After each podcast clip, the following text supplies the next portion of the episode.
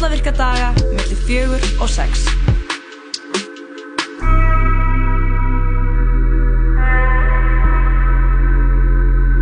Jú, jú, hér erum við uh, að tala saman. Það er Lóa og Ísak hér á útvarpi 101. Jú, mikið rétt Ísak. Uh, velkomin uh, hér í útvarpið, Lóa. Velkomin sömulegis, Ísak. Já, gaman að sjá þig. Sömulegis. Og heyra í þér, uh, aðalega heyri í þér. Mm. Af því að, þú veist, hér er fólk að hlusta en ekki sjá. Bara reyna að draga hlustundum með. Það væri gaman það að sjá er, mig. Það væri gaman að sjá þig og Já. það er alltaf gaman að sjá þig og fyrir áhuga sama þá getur fólk flettir upp á Instagram og séð þið þar. Facebook er betra. Já, ok. Fleiri myndir. Ertu með betri myndir það? Fleiri myndir af mér á Facebook, klálega. Og... Já. En ég er allavega í spari Þú fyrir ert náttúrulega að þeirri kynsluð, sko. Ísak, hætti nú. Uh, Uh, já, það er sérst pakkaður tala saman í dag, senst þið tala saman í þinn, uh, Já. sirkjum það, Já, við, já. við hlustendur, við og ég og hlustendur, við syrgjum það. Já. Og, en við erum að fá til okkur tvo gesti, það eru viðburðir, það er menningar miðgudagur í dag. Mhm. Byrjum á því að tala við hana Sunna Ástórsson uh, aðeins að fjalla um uh, viðburði í Nílstasafninu, einhvern jólaviðburð Í mitt. og svo verður hann uh, DJ Margir hérna Já. í tilefni dags íslenskra tónlistar Sem er á morgun. já, hann er á morgun Já, Og- hann er ekki komin hingað til að uh, þetta skífum, heldur alltaf hann að segja okkur frá þessu viðbyrði á Mhm. morgun. Já, viðbyrði og bara degi, degi, já, degi þessum degi. uh, viss, ég vissi ekki af honum eða þú veist, ég vissi ekki að veri dagur íslenska tónlistar skilur við Nei, nei. þannig að ég Það það er að vita alltaf leið, hvað gerist Mhm, á mhm. honum uh, jú, svo er uh, Bibba með ferskan glænýjan, splungunýjan þátt af aðeins meira bara Jim Mhm. Þar er hún að taka viðtal við einhvern, hvern? hann uh, Julian Karlsson Já, sem er. Já. Einmitt. Hún var líka með kraftliftingakonu í síðustu viku, þannig að það verður áhugavert að bera það saman og heyra, heyra, já, heyra svona Mhm. hvað fólk hefur að segja um kraftliftingar. Þetta er náttúrulega ekki bara, snýst ekki bara um að lifta einhverju þungu. Nei, þetta er aðeins meira bara Jim og Jú, jú. Svo verður náttúrulega spilaður hérna hinn daglegi dagatals þáttur af jólatalatal með Mhm. þeim Guma Fel, Pálma Frey Hugsinni og svo verða gestir sem við kynum hérna eftir þegar við spilum hann. Nó, þáttur sem eru, eða svona einslu sem hafa slegið í gegn, hann má Já, segja það. þau hafa gert það. En það er stórmerkilegu dagur í dag út af því að það er fyrsti jólasnjúrin, hann var að falla. Já, það er svona hinn sanni jólasnjór og þá eru þetta við hæfi að spila uh, álfuru jólasnjóar lag, þó ekki snjókott falla. Nei, Uh, það er lagið Það snjóar með Melfis Mafíinu og Sigurði Guðmundssoni. gjör svo vel.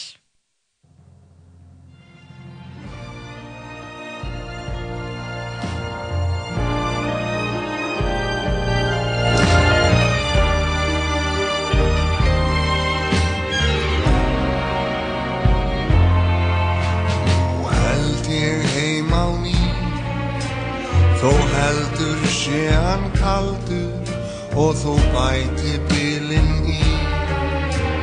Og býti frostið kinnar mér sem galdur. Nú held ég heim á leið.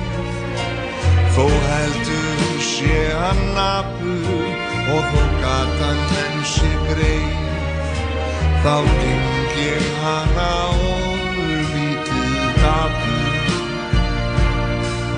Því það snjóar Í hjarta mér það snjóar Var og snjóar. Samt held ég heilög jól Þó harðir blásið vindar Þá í sæjúm austri sól sem allar sorgir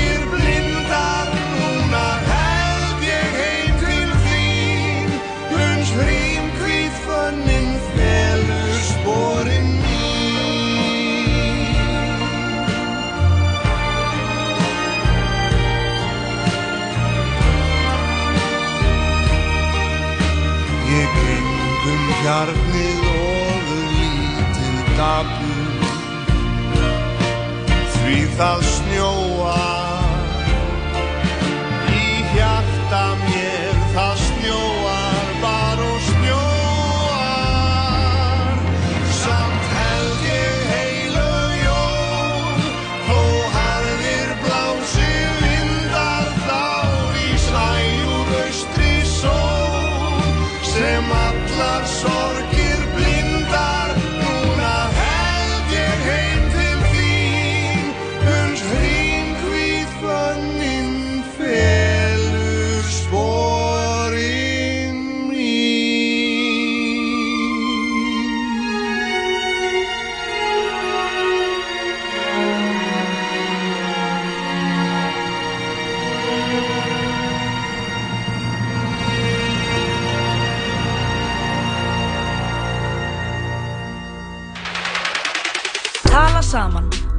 virka daga, milli fjögur og sex.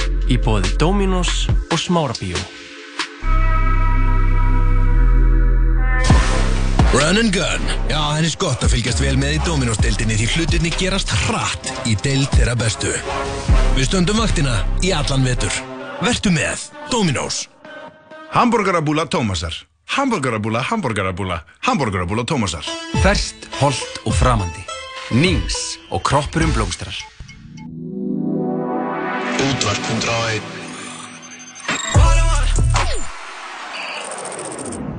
Jú, það er tala saman sem heldur hérna áfram á þessum fallega og jólalega miðugudegi. Við erum komið með hana Sunnu Ástþórsdóttir til okkar. Hún er verkefnistjóri í Níló. Vertu velkomin Sunna. Hæ, takk fyrir að fá mig í þáttinn. Bara gaman að fá þig. Erstu komin í jólaskap? Herri, ég er komin í rosalega mikið jólaskap. Já. Og hva, hvers vegna ertu í jólaskapi? Ég, sko yfirleitt er ég ekkert rosalega mikið jólabað, en ég er í mjög miklu jólaskapi núna, en þess að það er svo jólalegt í vinnunum minni Mhm. í nýlastræfnu. Ok. Og það er eitthvað mikið um að vera þar núna. Já, desember er alveg pakkaður af viðbörðum uh, en það er líka uh, listaverkabassar í gangi sem að heitir ljósabassar Mhm. það sem að yfir 50 listamenn taka þátt og selja verkin sín og þau, þetta eru allt fulltrúar nýlistasafnsins við Níló er listamannar ekki safn og það eru yfir 340 meðlumir í Níló sem wow. eiga og reyka safnið og þessi meðlumir ákvaðu að standa fyrir listaverkabassar í desember. Ok, geggjað. Þannig að fyrir það sem er að leita jólagjöfum eða er Fyrir það sem er að leita jólagjöfum eða list á veggin heima, Nákvæmlega. eitthvað sem endist og endist. Einmitt. Hvers Hva- konar listaverk eru þetta? Þetta eru alls konar verk og verk sem eru unnin í ýmsamiðla. Um, en flest þeirra er, eru tvíviðvegg verk, verk, verk sem að er hægt að hengja upp á vegg og þau tengjast öll á mjög breiðan hátt ljósinu. Það er rosalega mikið af, af ljósaverkum en síðan eru líka ljósmyndir eða, eða verk sem að fjalla um ljós. Þetta er, þetta er já, bara mjög bjartur og hlýr markaðir. Geggjað. Úps, uh, sorry. Hérna, en það er eitthvað viðbyrðir hjá okkur á morgun, eða ekki? Jú, það er hérna, það er uh, viðbyrður á morgun klukkan 6 í nýlistasafninu, í Ok. Marsalúsinu. Uh, þá mun hún Arna Óttastóttir sem er vina listamæður Níló uh, í ár 2019 og 2020 hún mun mæta og leggja loka hönd á verk sem að hún hefur búið til fyrir Níló. Og hún vinnur mikið með vefnað og textil og hún verður þannig eitthvað að sauma frá klukkan 6 á morgun. Ok, geggjað. Við hvetjum bara alla til þess að kíka í nýlistasafni. Já, um að gera. Og það verður líka, sko Arna verður þarna að að klára verkin sín. En svo verður við líka með vínil hlustanapartí sem er mjög jólalegt. Þá eh, hvetjum við alla til þess að mæta með upp á þessu jólaplötuna sína og spila fyrir okkur einhverja ljúfa jólatóna. Já. Það er stemming. Og hvað er nýlistasafnið fyrir þá sem ekki, ekki vita? Nýlistasafnið er í Marselhúsinu sem er út á Granda. Og þar er líka Kling og Bang sem er líka listamannar ekki síningarými og vinnustofa Ólafs Eliassonar, stúdíu Ólaf, Ólafur Eliasson og veitingahús Já. og kaffihús Þannig að fólk getur til sér og fengið sér kaffi og veitingar og fara svo upp og, og skoðað og notið listarinnar. Já, Marselhúsið er bara býður upp á allt, allan pakkan Geggjað. Þauðsilegt. Takk fyrir komuna að sunna. Takk fyrir að fá mig. Og, uh, já, bara stemming í Níló yfir hátíðanar, er það ekki? Stemming í Níló. Við ætlum að hlusta á jólalag en uh, í þetta skipti með popstjórnunni Ariðinu Grandi. Það er ekki til það ég sagð. Jú, eða ekki? Jú, þetta lag er samt að telmi.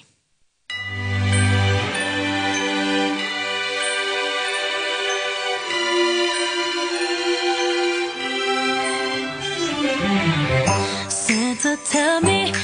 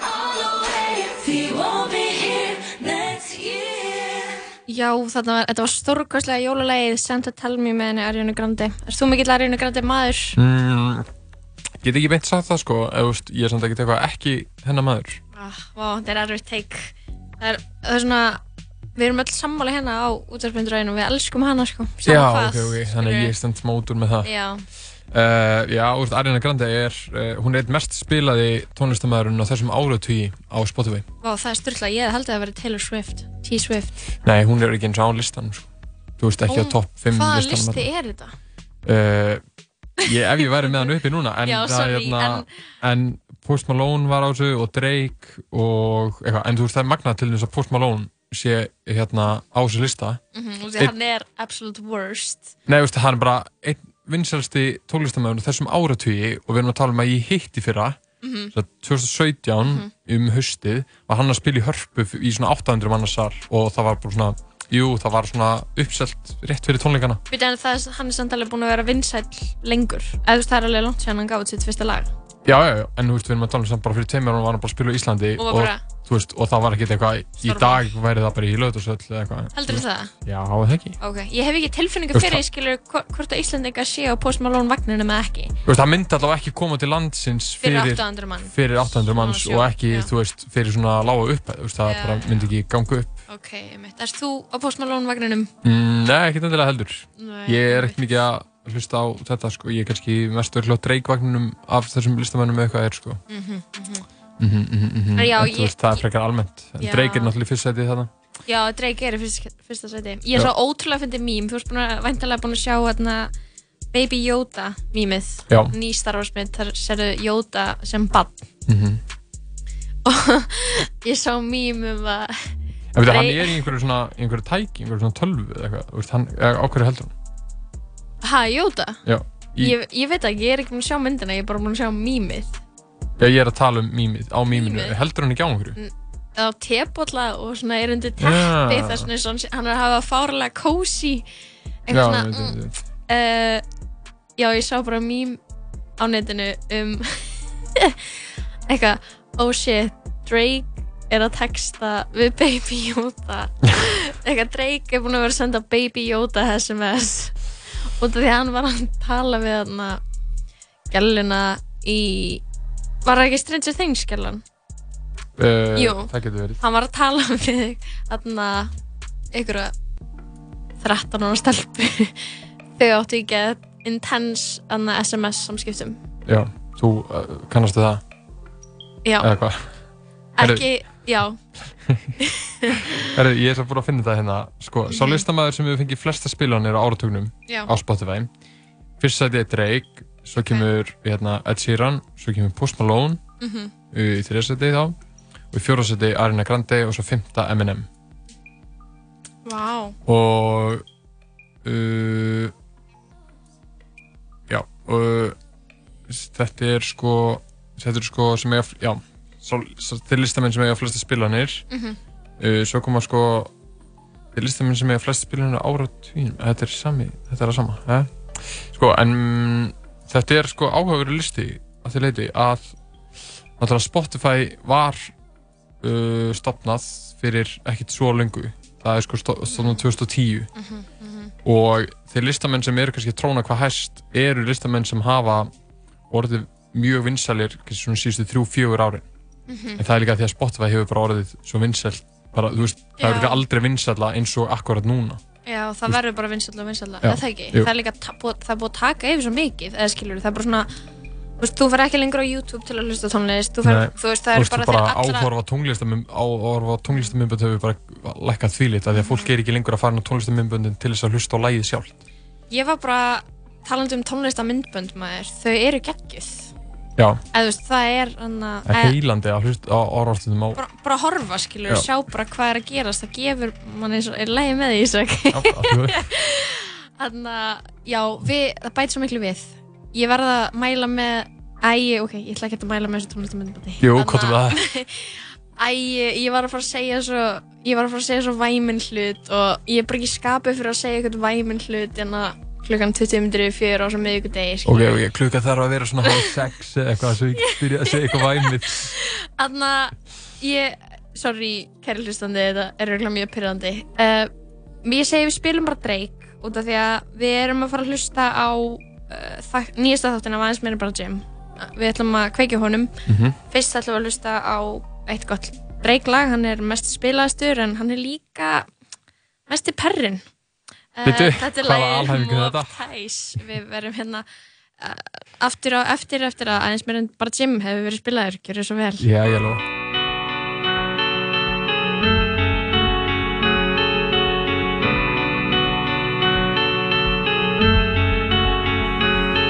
Hey, sick of these niggas. Sick of these niggas. Hire some help. Get rid of these niggas. Sick of this shit. Move to the Ritz. Turn out the bitch. It is what it is, yeah. GLE, cause that Lambo moving fast. S class, G class, lot of class. In a rocket and that bitch ain't got no tag. Louis bags in exchange for body bags, yeah. Sick of these niggas. Sick of these niggas. Hire some help. Get rid of these niggas. What would it was? It is what it is. Whatever you did, it is what it is, and I'm so tired. I fuck with them all, but I got ties. Knock you off to pay their ties. They want me gone, but don't know why. It's too late for all that lovey-dovey shit. I'm your brother shit, all that other shit. It's too late for all that. It's too late for all that. Hey, it's too late for all that lovey-dovey shit. I'm your brother shit, all that other shit. It's too late for all that. Hey, it's too late for all that. Hey, sick of these niggas. I'm sick of these niggas. Hire some help. Get rid of these niggas. I'm not with the rah rah. I am a da da. My bitch is Chanel now. Your bitch in a Spada. Yeah, and they shook. Please don't let them fool ya. I don't care how they look. Heard all of the talking, now it's quiet, now it's shush. 29 is coming, they on edge when I cook. Lead the league in scoring, man, but look at my assists. Yes, I be with future, but I like to reminisce. I do not forget a thing, I'm patient, it's a gift. Try to tell them they ain't gotta do it, they insist. Yeah, I could tell. I just gave him two for 40 million like Chappelle. Standing over coffin with a hammer and a nail. Heard you hit up so and so, they name don't ring a bell. Nah, sick of these niggas. Hire some help. Get rid of these niggas. I'm sick of this shit. I'm running a blitz. Whatever you did. It is what it is, and I'm so tired. I fuck with them all, but I got ties. Knock you off to pay their tithes. They want me gone, but don't know why. It's too late for all that lovey-dovey shit. I'm your brother shit. All that other shit. er Birna too late for all sísta It's too late for all that. Hey, it's too late for all that lovey-dovey shit. I'm your brother shit. All that other shit. It's too late for all that. Ehi, e su lei fare.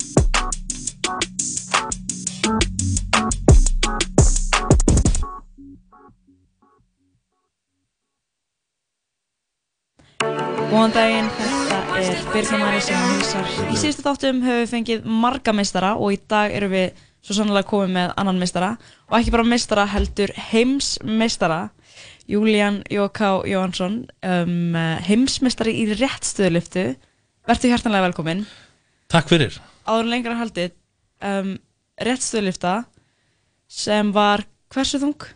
405,5 kíló. Einmitt Ok, til hamingi Takk fyrir það. En þú varst að bæta þetta heimsmet bara núna fyrir tveim viku síðan, það er lók november Já. og Eh. þú varst í rauninni að bæta þitt eigið heimsmet.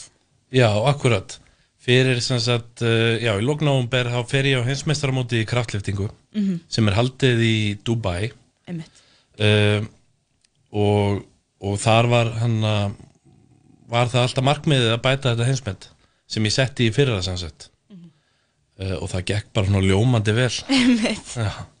En sko, nú vissur náttúrulega kannski smá svona að hverju gegst. Í fyrra þá varstu kannski svona meira að, ég veit ekki, varst, vissur þá líka og verður að fara að ta taka þetta upp, eða skilur, hvernig var það? Nei, ég var mun örugari núna Já. alveg klárlega og uh, í fyrra uh, þá er ég raun að að fara í þetta met uh, sem var þá 8 ára gamalt uh, og það var sett 2010 eða 11 af amerískum kraftlítikamanni Og hvað var það þá fyrir?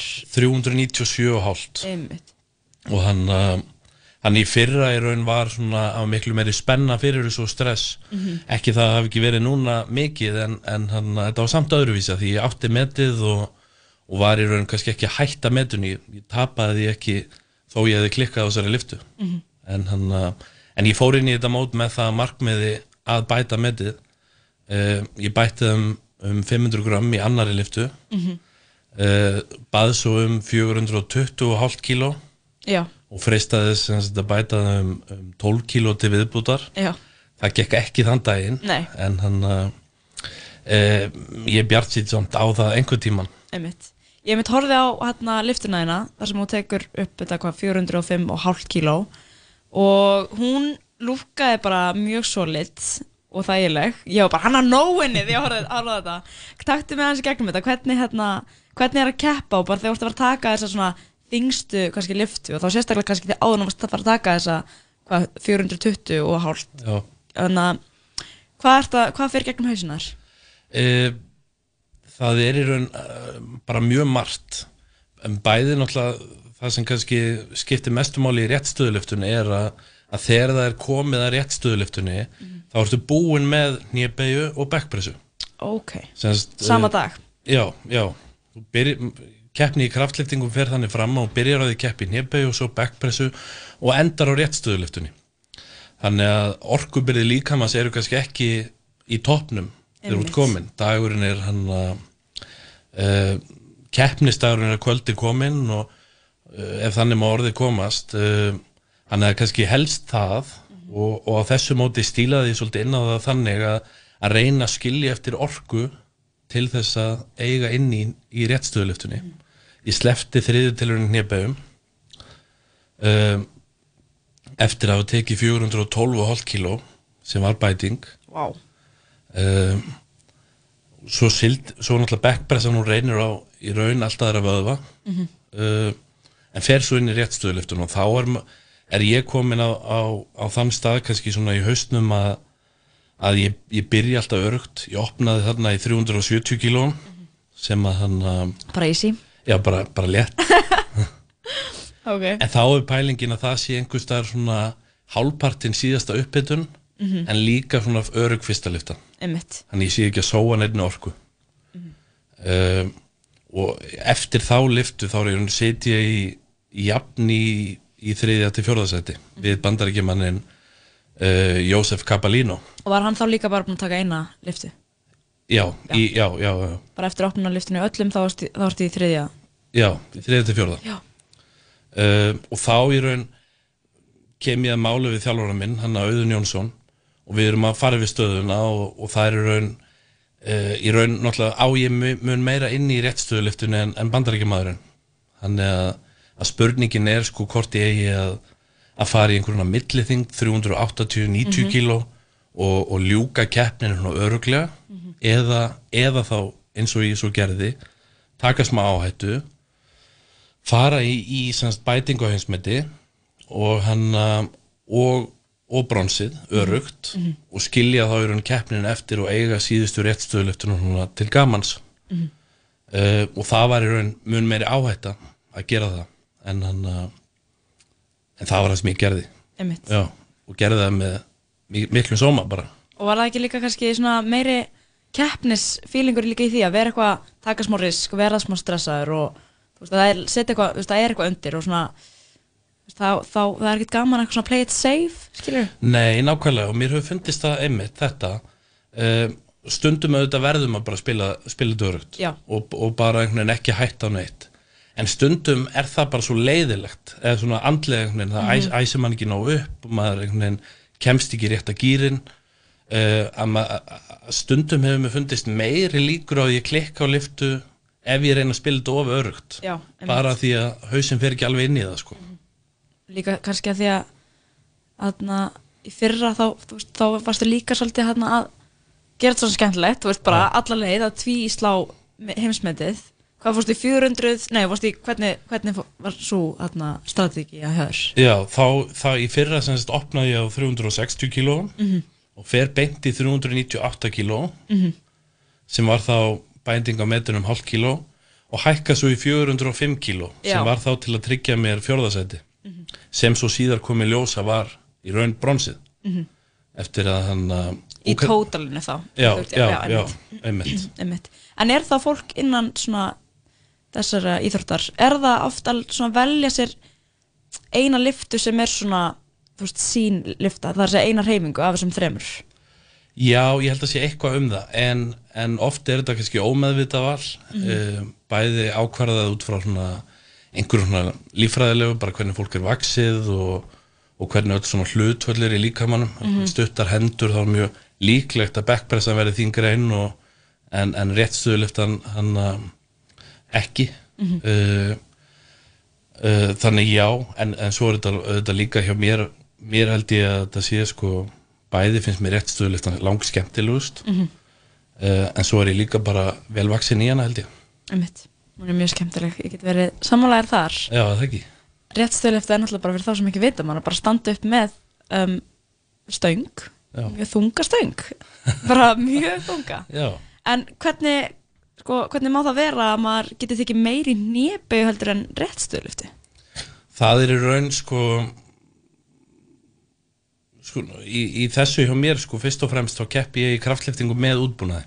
Já, uh, og þá er það algengar að, að semst, þessi útbúnaður gefur meira í hnébæu og backpressu en mjög lítið í réttstöðuliftu þannig að, að það er kannski þessi hlutvöld sem að breytast við Einmitt. útbúnaðin Er það ekki svona stífur galli eða hvernig? Jú, Já. jú uh, kemur upprunlega inn í kraftlýftingar á, á níunda eða tíunda áratögnum sem örgisbúnaður Mhm. en svona með tímanu þróast þetta og upp til svona 2015 þegar það er í raun bara lokað fyrir frekari þróun en þróast í þá átt að hann hjálpar til við liftunar Mhm. að einhverju leiti en bætir líka inn kannski svona einhverjum x-faktor í þetta sem svona keppni Já. bæði endast keppendur lengur að því þeir hlífa líkamannum að einhverju Mhm. leiti um, sem er kannski munurinn á, á lífaldri keppenda í ólimpísku liftingum og kraftliftingum Mhm, einmitt. gæti að einhverju leiti útskýrta um, en, en líka einhverjum svona keppnis x-faktor sko upp á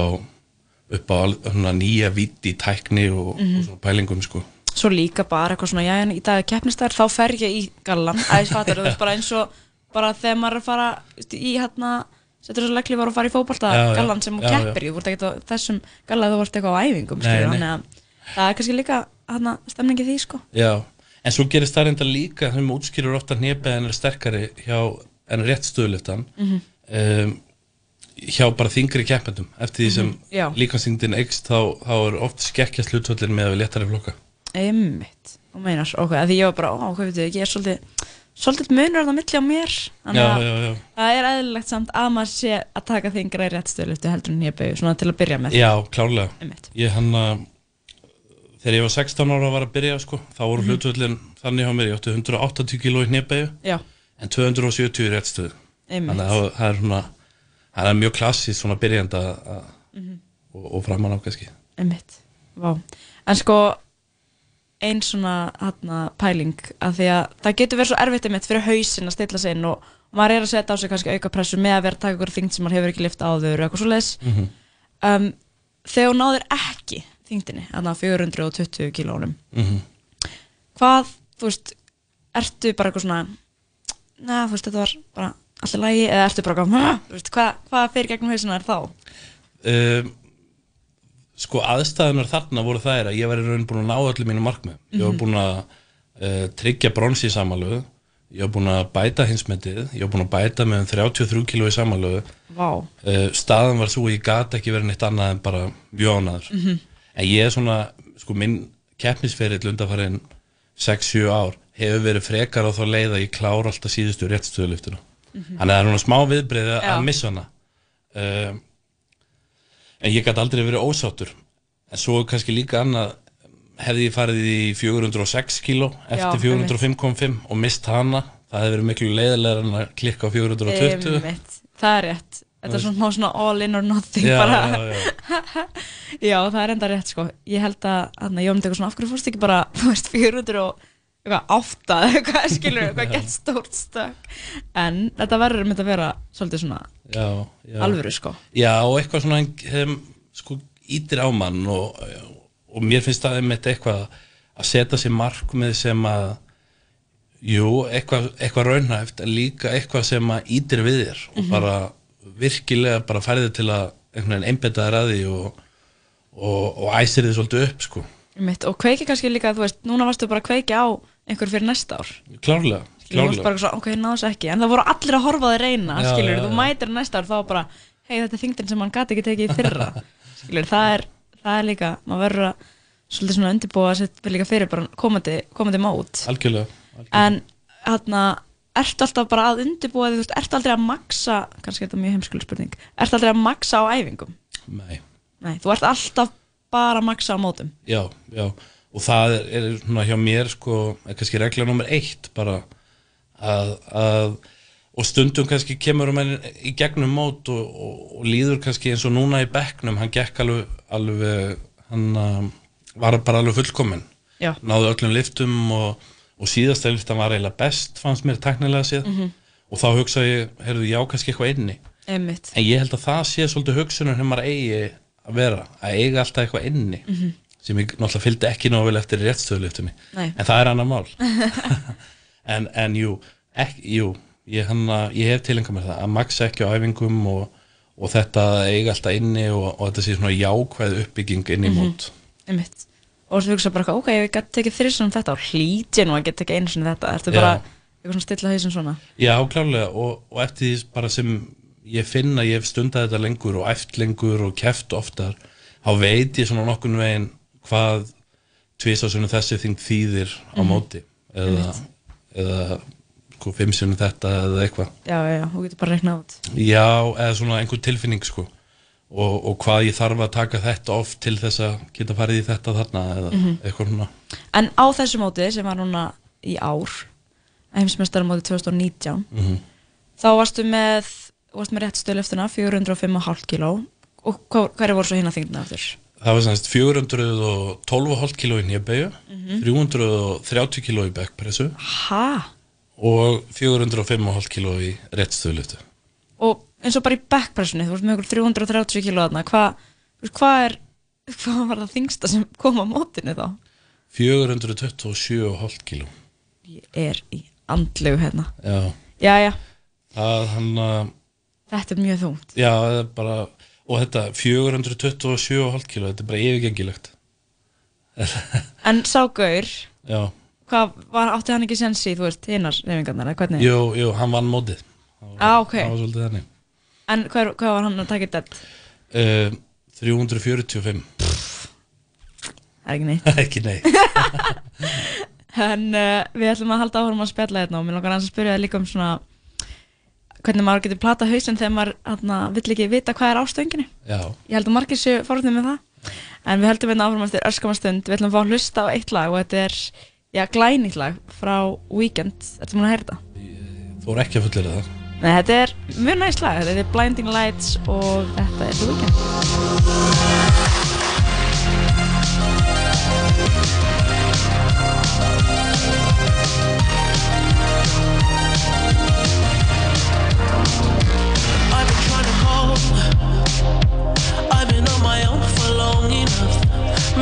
Can show me how to love. Maybe I'm going through a drought.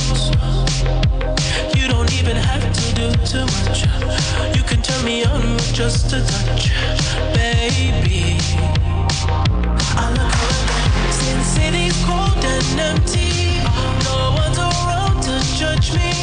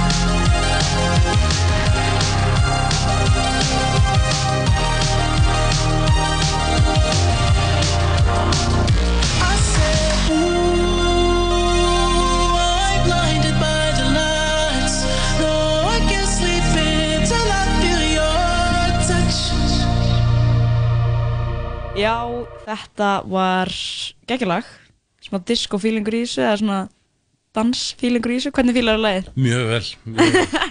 Ertu að hlusta á tónlist þú ert svona að lifta eða hvað ertu, þú veist? Já, mjög mikið sko. Og skiptir það máli hvað er í gangi eða? Uh, Já, klárlega, klárlega. Uh, Þetta svona byrjar yfirleitt svona einhvern veginn uh, svona oft í annarkort einhverju rocki sko eða, eða einhverju rappi Einmitt. En svo eftir því sem líður á æfinguna og svona þessi helstu verkefni dagsins og æfingunni ljúk, uh, ljúka þá þá tekum við eitthvað léttara bara og svona Mhm. bara léttur í einhverjum aukaæfingum. Einmitt.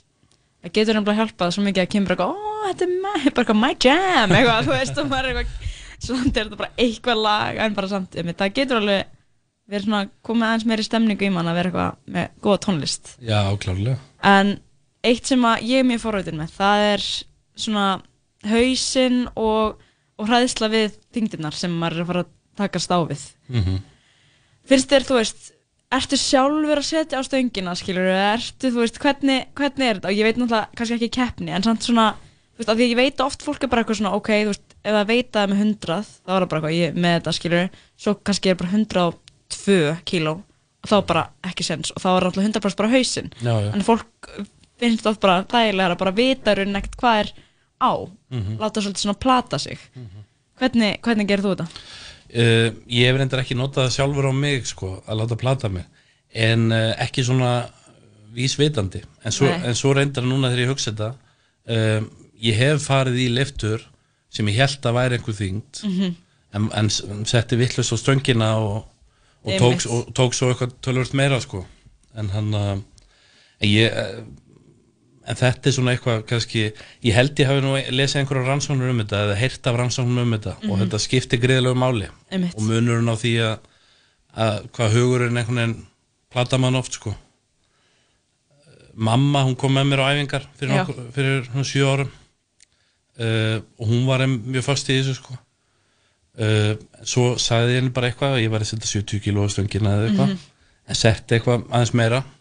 Og þá fór hún létt með það sko. Einmitt Þetta er, þetta er nefnilega, þetta er trikki sko, maður þarf svolítið að svona, nei nei ég veit ekkert hvað er hér, eitthvað, þú veist, ég er ekkert að hugsa um þingdina, ég ætla bara að lifta þessu, eitthvað svona, Já, þannig að þetta er trikki, en sko, hvenar er það sem þú byrjar í kraftleitikum? ég byrjaði sem sagt uh, 15 ára Já. um, og það er sem sagt í, í bara byrjun tíundabekkjar held ég Já, og hva, Eh. hvað var til þess að fórst að efa kraftleitingar? Það er kannski ekki gott að segja. Ekki, en ég held að svona ímislegt í mínu lífi hafi bent mér þangað svona. Ég, Mhm. ég hef alltaf verið stór og sterkur Mhm. svona með við jafnaldra. Uh, og og ég fór í körfubolta þegar ég var 13 ára og, og kynntist mörgum góðum vinum þar. En kannski fann mig aldrei í íþróttinni sem slíkri. Mhm. uh, en fann það alveg að, að, að íþróttir væru eitthvað fyrir mig. Uh, og, og svona og, og það eru náttúrulega alls konar svona kostir og og, og og tækni og eitthvað svona ef maður fær bara úr íþróttastarfi yfir höfuð Mhm, 100%. Já, og, hann, uh, og það er kannski eitthvað að mér finn þar þó ég hafi fundið að íþróttin sem slík hafi ekki, ekki verið fyrir mig Mhm. svo, svo er ég komin hann uh, um 15 ára gamall og, og ég hann að farin að skoða mikið svona krafta efni á netinu og heimildamyndinu Jón Pál og eitthvað svona Mhm. og maður er nú komin í hörku stöð sko heima einhvern veginn Já. Eh, og þá tek ég svolítið skrefið en, en ég þorði ekki alveg að hætta í körfunni strax Nei, nei, nei. ég var svona búin að lesa það að þeir sem hættu í íþrótt Já. einu sinni þeir myndu hætta sem eftir væri og, og einhverja svona klísjur sko. um, en svo bara tek ég stökkið og, og náttúrulega hef aldrei séð eftir því bara Mhm. fann með þvílíkt sko. Já, einmitt. Og bara droppar svo köruboltarum.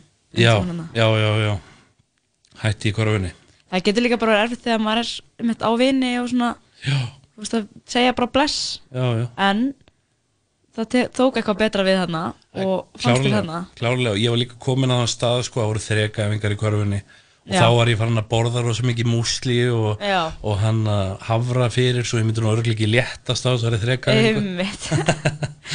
en hann hefur alltaf þurft að pæla þá, veist, eftir að þú byrjar í kraftletingum, hefur alltaf þurft að pæla svolítið mikið í þingdinni eða lefur því svolítið bara að gerast eða hvernig? uh, Jú, ég hef sko að því litunum til að það er keft í þingdaflokkum Einmitt. hef ég alltaf þurft að pæla í þingdinni um, en ég byrja í mínus 90 kg flokki Mhm. 2009 það er fyrsta mótum og er þar í raun í tvö mót og svo sem sagt, kemur sumarið og, og ég var, en ég var alltaf staðraðan í því að ég vildi ekki vera mínus 90 og ég man ég hitti þjálfara uh, sem var þá yfir kraftleftingandeld Ármanns og hann, hann sagði já velkomin. Okkur vantaði einmitt einn í mínus 90 og ég hugsaði, ég sagði ekki neitt en ég hugsaði ég ætla ekki að vera í mínus 90 Nei. hvað rugl er það? Langaði að vera þingri þá. Já, mér langaði að vera þingri Já. og mér fannst það einhvern veginn betru hæfi fyrir mig. Uh, og í lok þess árs, hann að 2009 þá er ég orðin 107 kíló. Mhm. uh, svo 2010 þá í raun í lok þess árs þá er orðin 129 Mhm. en ég þingi svona nokkuð fljótt hann upp í þessa yfirþungavíkt Einmitt. Næs, og er það bara að borða mikið og lifta mikið?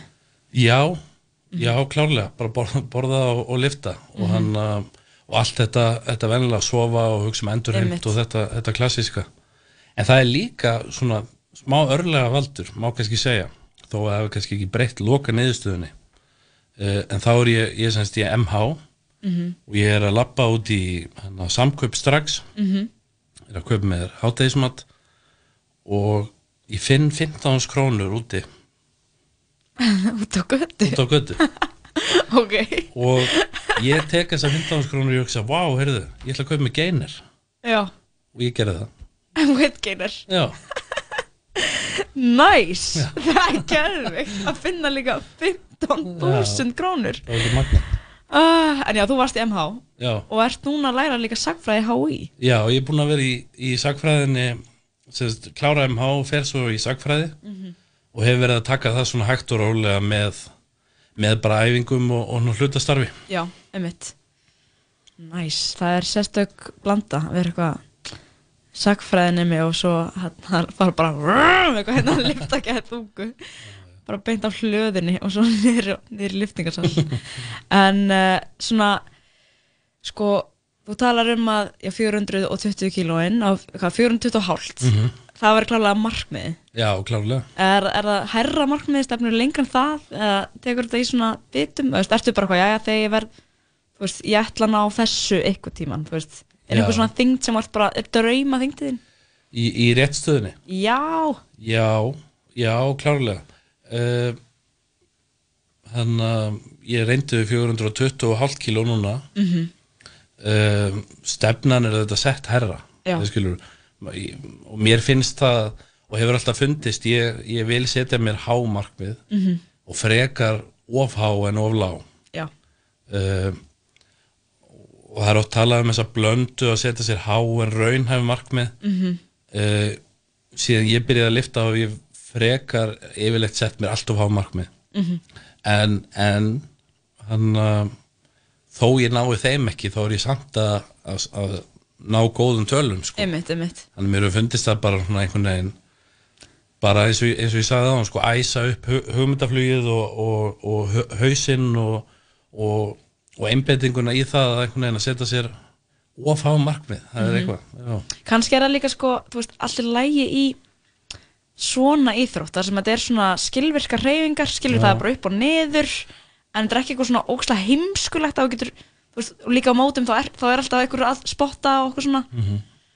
Þannig að ég svona hugsa eitthvað að kannski, þú veist, þarna má maður vera smá svona, jú, þú veist, one day þá ætla ég að lifta þessari þyngd og þá kannski getur maður unnað því en svo, þú veist, ef þú verður kannski að snara einhverju, þú vilt ekki bara og bara, Nei, en svo ég er, veit ekki, hugsa þetta svolítið svona já, klárlega. En svo er þetta líka bara þú veist, maður tekur bara eitt skrif í einu og, maður, og drópin hólar steinin.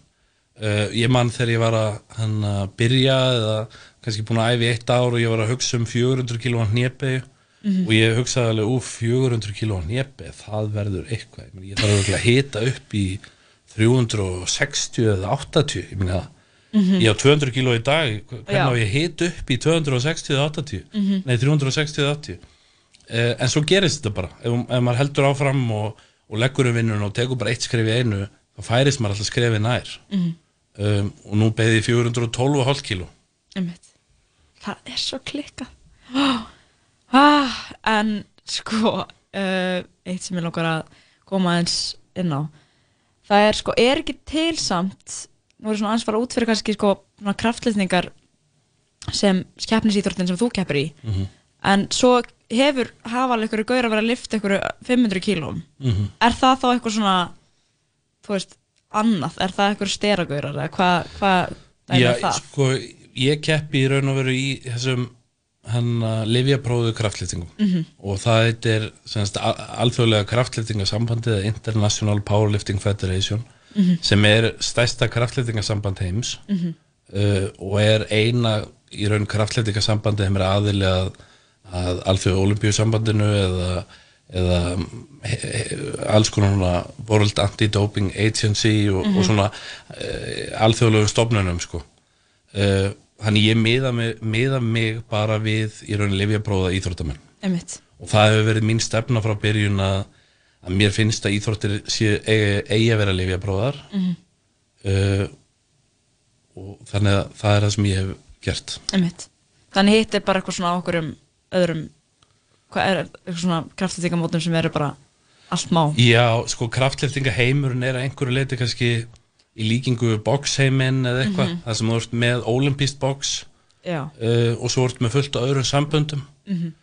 uh, og yfirleitt er þetta eins og í kraftleftingum þetta eru lítil sambönd hitt og, og, og stopnuð kannski uh, í kringum bara einhverju menn eða einstaklinga mm, en það hefur ímislegt og svo eru þetta afluraunir líka annað, það sem er þetta steinatökin Já. og, og þetta og það er rétt stöðlöft oft líka á meðal keppniskreina Mhm. en yfirleitt svo í annari mynd og, og í, þegar kemur við niður svo bara ef förum bara í munin á þessu þá er það í fyrsta lagi livjaprófað Mhm. um, það er það er öðruvísi stöng yfirleitt Mhm.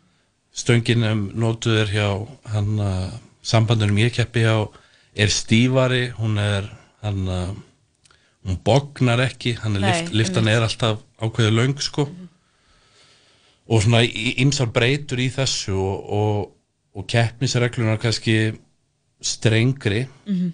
ég held að sé alveg hann að hægt að segja það hann að munurinn er kannski bara svart og hvítu Já. þó þetta sé í raun kannski sama greinin Einmitt. og það kallist, eða fólk kallir þetta bæði kraftlýtingar Já, já, já. já, minnst það áhugavert sko, af því að það er líka, ég með hugsa þetta bara líka með eitthvað svona að fólk eru ofta eitthvað svona, já, þú veist hvað, en getur þetta með belti, já, ok en, en í galla eða ekki galla, eða þú veist og allt þetta, að þú veist, þarna er svolítið bara það sem þú keppir í, það er bara, þú veist sömu standardar á alla í Mhm. keppninni. Svo náttúrulega bara fólk með sín markmið bara eins og kannski sumir vilja vera með eitthvað met bara án þess að vera með, þú veist, einhverja græjur Já, skilur, já, og, já, já. og svo annað og annað max í ykkur þú veist, að vera með alla græjurnar og eitthvað svona en bara, algjörlega uh, það er keft í Já. klassískum kraftliftingum Mhm. uh, og svo bara þessum kraftliftingum sem hafa verið að þróast meira í þessa, þessa búnaðar átt sem er líst áðan mm Já. og það er kannski líka bara svona er eins og segir, bara sniðugara líka, bara að halda þú veist, þetta er bara, einmitt lætur kannski fólk bara endast lengur í já, íþróttinu og já, vera bara mér finnst það sko mér finnst það en, en, en hvort veggja á, á fullan rétt á sér og, og, og það er pláss fyrir báða greinar Mhm. sem sett bara upp á sum, eins og þú segir, sko, sumir hafa ekki áhugaði keppi búnaði eða ekki aðstöðu til að æfa fyrir það eða, eða hann um, eða bara fjárráða á búnaðan sem slíkum sko uh, en, en aðrir hafa áhugaði og bara, auðvitað bara pláss fyrir alla einmitt. en nú er ári í næsta mót Hva, hvað er framöndan á þessu ári?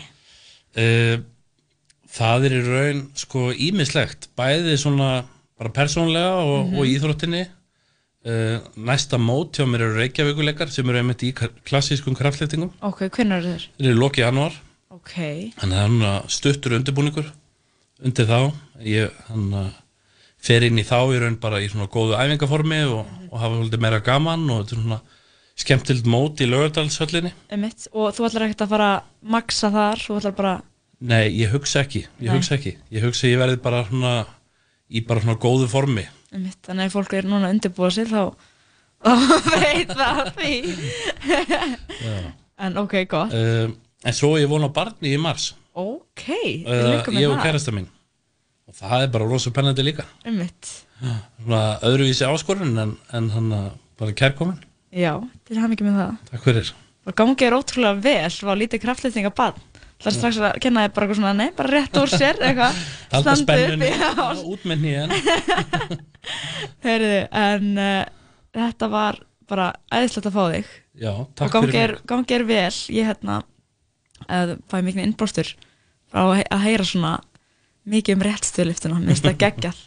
En lag til að uh, já, slaufa þessu, Hva, hvað maður bjóða þér? Já, uh, það er góð spurning. Mhm. uh, DMX Ok, Lord Give Me a Sign Er það ekki eitthvað svona það er hérna Keirir hlustendur í, í góðan svona æfingaanda og Já, það er líka fínt sko, þá fær fólk innblástur fyrir gymlistan sína sko, þegar heyrir eitthvað inn í þátturum sko. Já. Geta farið bara á spotti og, hendi inn á, inn á listan. Herru, við ætlum að uh, ljúka þessu. Þetta er lagið Lord Give Me a Sign. Takk kærlega fyrir komuna og gangið er ótrúlega vel. Takk kærlega fyrir Yeah, uh, in the name of Jesus. No weapon formed against me shall prosper. And every tongue that rises against me in judgment, thou shalt condemn. Lord, give me a sign. For this is the heritage of the service of the Lord. And the righteousness is of me, said the Lord. Amen. Uh. Lord, give me a sign. I really need to talk to you, Lord. Since the last time we talked, the walk has been hard. Now I know you haven't left me, but I feel like I'm alone. I'm a big boy now, but I'm still not grown, and I'm still going through it. Pain and the hurt, yeah. soaking up trouble like rain in the dirt. And I know only I can stop the rain with just a mention of my Savior's name. In the name of Jesus, devil, I rebuke for what I go through and trying to make me do what I used to. But all that stops right here. As long as the Lord's in my life, I will have no fear. I will know no pain from the light to the dark. I will show no shame, spit it right from the heart. Cause it's right from the start. You held me down and they nothing they can tell me now. Lord, give me a sign. Let me know what's on your mind. Let me know what I'm gonna find. It's all in time. Show me how to teach the mind. Show me how to reach the blind. Lord, give me a sign. Show me what I got to do to bring me closer to you. Cause I'ma go through whatever you want me to. Just let me know what to show me something. I'm tired of talking to him, knowing he frontin'. Try about life ain't nothing. But you either be the one mad cause you trapped or the one hunting. Trapped in your own mind, waiting on the Lord. Or hunting with the word that cuts like a sword. The spoken word is stronger than the strongest man. Uh, Carries the whole world the strongest uh. hand. Through the trials and tribulations, you never let us down, Jesus. I know you're here with us now, Jesus. I know you're still with us now. Keep it real with us now. I wanna feel, show me how. Please let me take your hand, guide me. I walk slow, but stay right beside me. Devil's trying to find me, hide me. Hold up, I take that back. Protect me and give me the strength to fight. Give me a sign. Let me know what's on your mind. Let me know what I'm gonna find. It's all in time. Show me how to teach the mind. Show me how to reach the blind. Lord, give me a sign. Show me what I got to do to bring me closer to you. Cause I'ma go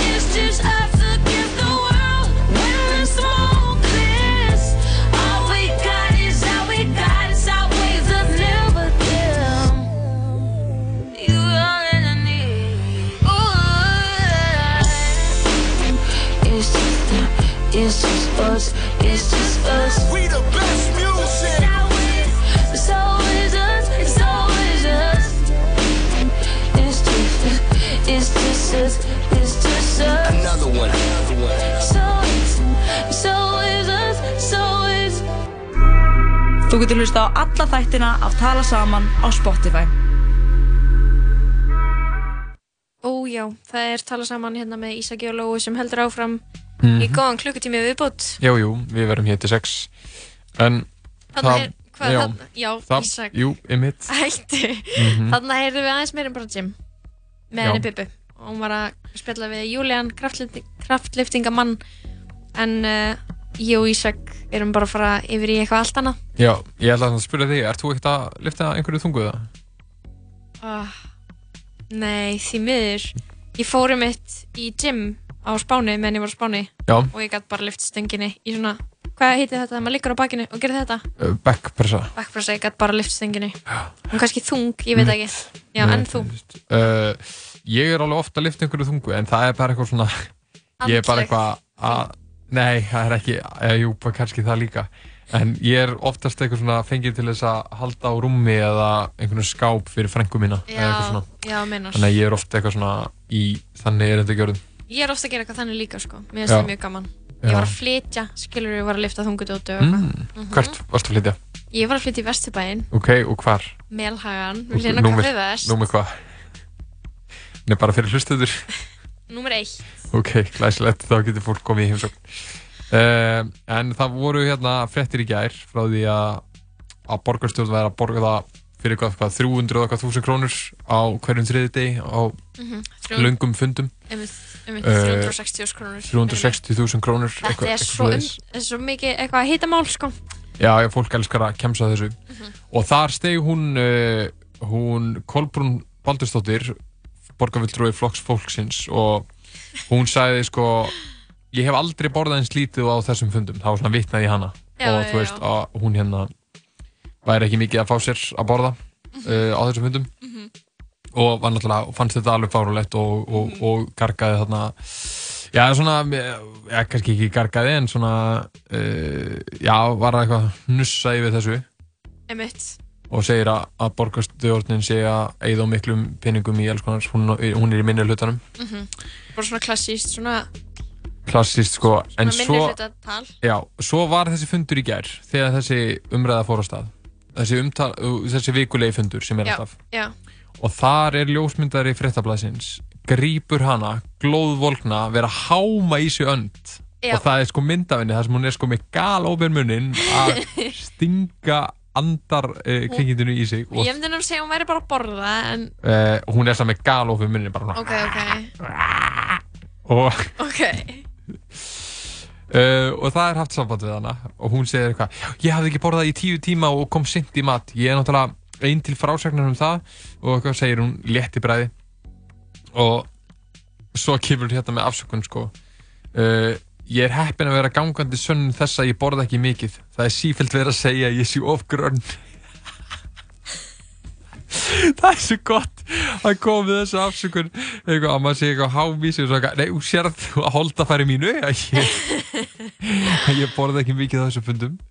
Það er alltaf verið að segja við mig ég sé alltaf grönn. En þetta er sko epic mynd og það eru sko fleiri myndir inn á frettablaði.is að fólki vera að borða og það er svona gegnum svona litla lítinn ring svona, svona lit, litli, litli gluggarringir Mhm. sérst fólk snæða og fólk er sko að fá sér kók og kristall og, Það er bara verið að njóta, það er verið að geta önd Já, af hverju er verið að geta önd? Ég að- bara, ég skil það ekki, önd sko. er reyndar, nú er ég reyndar hættur að borða kjöt sko en önd er epic Ok. svo gott að borða önd Ok, ok. Þannig að þau eru bara önd og tíðan er góð, en það er líka matur sem hefur verið tengdur við svona efri stjættina og, og ríkt fólk gegnum árin. Nei mitt, ég hef önd það. svona þreysvar á æfinni Já, að það ekki. Jú, og ég held bara eitthvað svona á snaps eða eitthvað þegar ég farið þangað og eitt hálfu veskinu mínu þar inni Einmitt, snaps maður. Já, ég veit ekki, mér finnst þetta ógeðslega gott að hún, hún er í flokki fólksins. Já, Já, og hún er uh, kona fólksins já, hún er svo mjóa, hún er að... hún, bara eitthvað, hún hefur litið á sig og var eitthvað, "Ah, fuck, hvað get ég sagt? Það var eitthvað, "Ja, ég, ég er svo grönn, þú lítur að sjá það. Oh my god. Uh, Ég öfunda ekki fólki í borgarstjórn núna Ég sá líka eitthvað að fundi fundinum þá var hún Vigdís Hauks hún kallaði Dóri Björst í pírataflokknum Nei, er hún í samfélkingunni? Hver? Dóra? Dóra, Hún er í pýrutum Hún er pírati, ok. Segir hún sé drullusokkur? Kallar hann að drullusokk? Já, það er bara uh, sko, ég hérna þessi borgarstjórn er sko þú veist, hvernig þau tala það er bara eitthvað, fyrir tveimur ári voru þau eitthvað ulla á hvert annað og þú veist, hverju gerist þarna, það? bara í upphafi þegar þessi stjórn var sett saman, þá var þú veist ég man ekki, þá var Líf Magnuðdóttir að ulla á Víktis Haugsdóttir og eitthvað svona, veist, þetta er þetta er bara svona eins og einhver svona ég veit ekki, þetta er bara eins og einhver svona sandkassaleikur í leikskóla Svo en, já, einmitt, ég veit það. Og hver kallar einhvern svona upp í pontu? Þú veist, þú ert ekki einu svona upp í pontu á ég veit ekki, bara eitthvað á grund að ræða hvort að þú veist, svepptímarnir eiga að vera klokkan 10 eða 11 sko. einmitt. Hjálpi mér. Uh, Við hefum hins vegar vonu góðum gesti ef mér, uh, ef mér skjálfast ekki Ísak, við þurfum að halda áfram með smjörið. Við þurfum að halda áfram með þetta smjör. Og við ætlum að hlusta á uh, óskalag frá þér. Hlýtt Mm. hlýtt í ég veit, það var ekki óskalag frá þér? En mér, finnst það, mér finnst svona fyrst þú hafið valið þetta lag, þá finnst mér þetta sko tilvalið að byðla til fólksins í borgarstjórn og vera bara smá hlíti í hjartanu og bara Akkurat. faðma hvert annað. Þetta er nýtt lag með honum Krassa sig, Jói P. Lagi hlýtt í hjartanu, gjör svo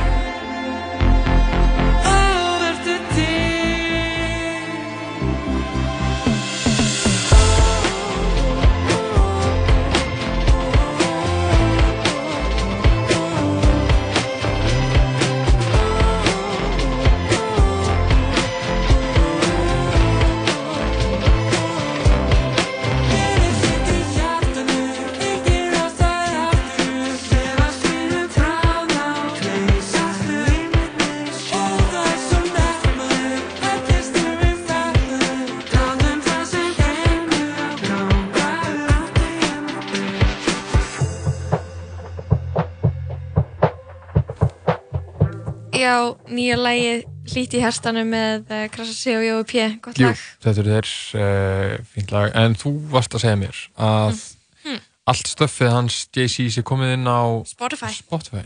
Jú, það er einmitt svo hann á ammali dag, hann er 50, það er 4. desember. Hann er 50 í dag, Já, mér skallast ekki. ótrúlegt. Hvað, nú er ég sko, ég er ekki mesta Jay-Z kona í heimi, Nei. en uh, ég get alveg sett virðingu á hans nafn á ammali hans. Mhm. Það er uh, 50, það er flott. Er hann færtur kannski? Hann getur ekki verið 50. Eh, Nei, er hann ekki 50 eða? Er það svo? Sko, Hann þú alltaf- þú ok, ert að hann vera búin er að kynna eldri. þetta áður nú vera að gaspra þetta í Já, útvarpið. sorry, sorry, sorry Þannig að ég sá þetta bara á bara snögglega á netinu hann, hann, hann er náttúrulega miklu eldri en Beyoncé hann er 50 Já, það svo séð. og og ekki bara spila lag með honum í tilnæð þess og líka Jú. tilnæð þess að sé komið á Spotify Mm Og skonum til aðmyggjum með daginn. gerum það, Hefur hann gert eitthvað svona afmælislag? já, December 4th Það, já, það er ammálstæðurinn hans til síns. Gerði hann lag fyrir sig? já, Ok. auðvitað, hann er Jay-Z uh, já, hvað finnst okkur um að ég menna hann stopnaði Tidal til þess að bara hafa tónlistina sína og tónlist svona sinna samstagsmanna á svona sér streymisveitu til þess að fá meiri hluta af teikjanum og okkur þannig. Og það var það var bara flott. Og svo eru fólk búið að vera að borga fyrir Tidal til þess að þú veist vera ekki bara með það sem er á Spotify. Já, en nú gafst hann upp og Já. er að gefa út allt sitt. Og hvað Beyoncé, hún var ekki á Spotify? Nei, Beyoncé var heldur ekki á uh, nýja dótið hennar eins og Lemonade var ekki komið á spot. Mhm. og svo datta á spot í sumar, Ok, ok. Byrjun sumars eða aðeins fyrr. Æ, já, allavega, þannig að þau eru bæði búin að vera að koma inn núna árið 2019 sem þýðir bara svolítið að, uh, að Spotify sé svolítið svona já, bara verða óhugnarlega stórt. Já, þetta Spotify er bara að taka yfir. Já, 100% Mhm. Við ekki bara hlusta á þetta ammælis lag út af því að hérna næstur hinga inn er hann uh, DJ Margeir, hann ætlar að segja okkur frá degi íslenska tónlistar. Já. en það er lagið December 4th með Jay-Z. En þetta er ekki íslensk lag og ekki uh, neitt tengt í íslenska tónlistar. Þetta er Heldur er bara- bara Jay-Z 50 Þetta er bara eins og, eins og móðu mín, hún er líka 50 í dag? Mm, Ég reyndar ekki í dag, en bara nýlega. Ok, það var Óskum þeim báðum til Já, hamingju. Gerum það. Sean Carter was born December 4th, weighing in at 10 pounds, 8 ounces. He was the last of my four children, the only one who didn't give me any pain when I gave birth to him. And that's how I knew that he was a special child. Hi, baby. What's wrong? You look like you've lost your best friend? Tell me, is it something that I've done again? It's like we've lost your best friend. They say they never really miss you till you dead or you gone. So on that note, I'm leaving after the song. So you ain't gotta feel no way about Jay so long. But at least let me tell you why I'm this way. Hold on. I was conceived by Gloria Carter and Agnes Reeves, who made love under the sycamore tree, which makes me a more sicker MC. And my mama would claim at 10 pounds when I was born, I didn't give her no pain. I'll go through the years, I gave her her fair share. I gave her first real scare. I made it for birth when I got here. She knows my purpose wasn't purpose. I ain't perfect, I care. But I feel worthless cause my shirts wasn't matching my gear. Now I'm just scratching the surface cause what's buried under there was a kid torn apart once his pop disappeared. I went to school, got good grades, could behave when I wanted. But I had demons deep inside that were raised when confronted. Hold on. Sean was a very shy child growing up. He was into sports, and a funny story is, at four, he taught himself how to ride a bike, a two-wheel at that. Isn't that special?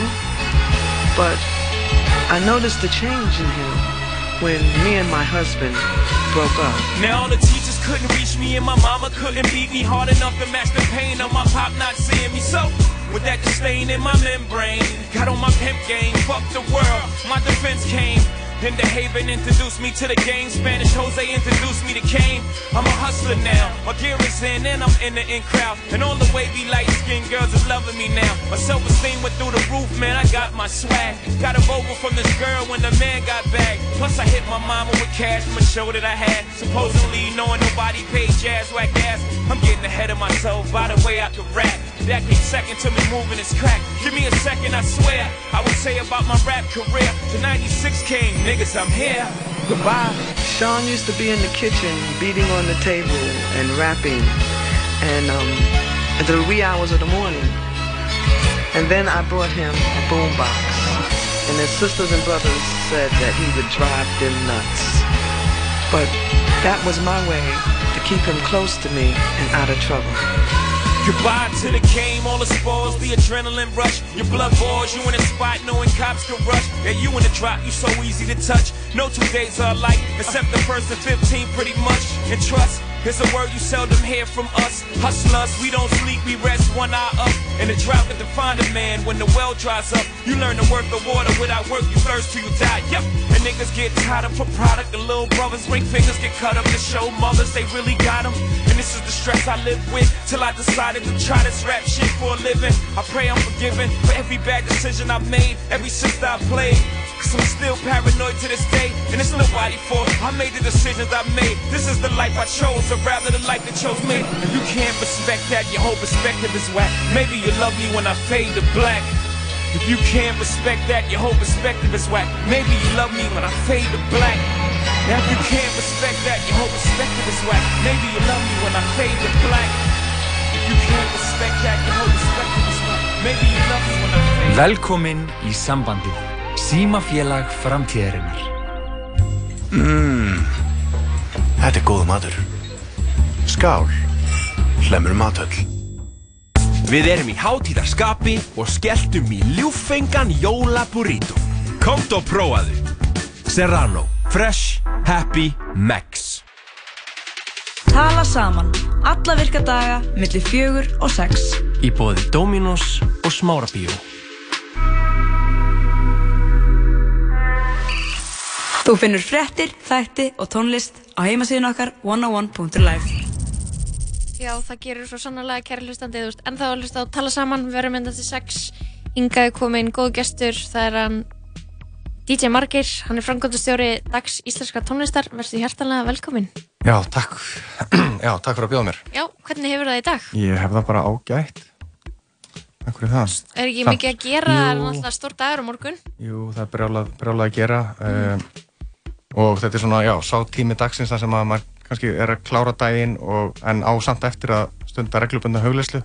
Þannig að ég er svona pínu grillaður akkurat núna. Ah, já, já, ég er góður eftir. Þetta eftir að sena þig. Já. Uh, en á morgun er stór dagur. Það er dagur íslenskar uh, tónlistar. Já, þetta er svona dagurinn þar sem að tónlistafólk og tónlistabransinn uh, sko, hvað sé, heiðrar þá sem að starfa á agri tónlistarinnar án þess að kannski vera að gefa út tónlist sjálf. Og það eru þá kannski helst fjölmiðlamenn og fjölmiðlar uh, sem að eiga þennan dag með okkur. Ok.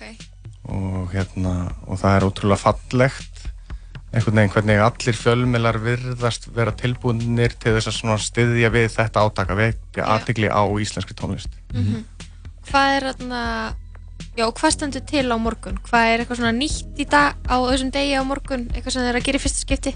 Já, það er það reyndar sko, en svona þetta hefðbundna er það að við hittumst í yðinó og uh, við erum, erum, erum svona að benda á þrjú, hvað við segja, svona sígræn lög, bæði lög sem að okkur finnst eh, eiga skilið að fá smá aðtegli aftur og einnig svona hvað, eitt svona glænýtt sem við teljum að verði svona síkild til, til framtíðar og þetta eru lögin uh, enginn eins og þú með auð, auði, uh, fróðan með gera sæm, geggjalag og Ammali með Sigumálum sem er svona fyrsta íslenska lægi sem náði heims aðtegli.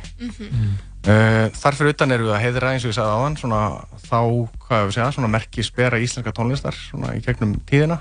Við erum með svona hvað, ein svona heiðusvelun og þrjú svona kvartningarvelun sem við bendum á svona Svona góð framtök. góð framtök. Uh, en þið, það nýja sem við erum að gera akkurat núna er að við ætlum að svona prófa að reyna að virkja þjóðina í því að taka þátt í því að velja sitt uppáhaldslag. Og gera það á svolítið svona aðtilsverðan hátt uh, eða veist, með hjálp samfélagsmiðla. Mm það er nýbúð að opna svona, svona laga banka hjá Instagram og Facebook Já. Þannig að þú getur reyndar farið í Instastory uh, og valið íslensk lög og við erum búin að útbúa ákveðin svona sniðmátt eða svona template sem þú getur farið inn, í, inn á profílun okkar og screenshotað Ok. og deilt síðan þinn, þínu uppáhalds íslenska lægi ofan á því sniðmátti takkað prof, uh, profíl uh, okkar, profílun okkar Iceland Music Day Mhm. uh, og þá ertu líka komin í leik og það er gulrót og þú getur unnið nýjan iPhone síma og ég veit ekki hvað hvað Aha, að- bara að vera að gefa nýja iPhone út um allan bæ Já. í dag.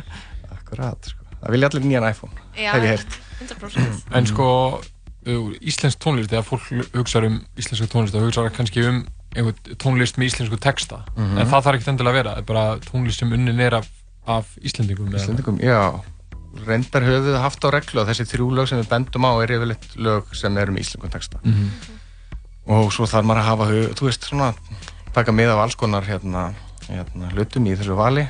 Mhm. Eh, þú veist, við viljum benda líka á tónskáld sem eru á kvenkinni, þau, vilja oft fara svona halloka Mhm. í umfjöllun eh, og, og ég veit ekki hvað, hvað, alls konar hluti sem maður hafa í huga.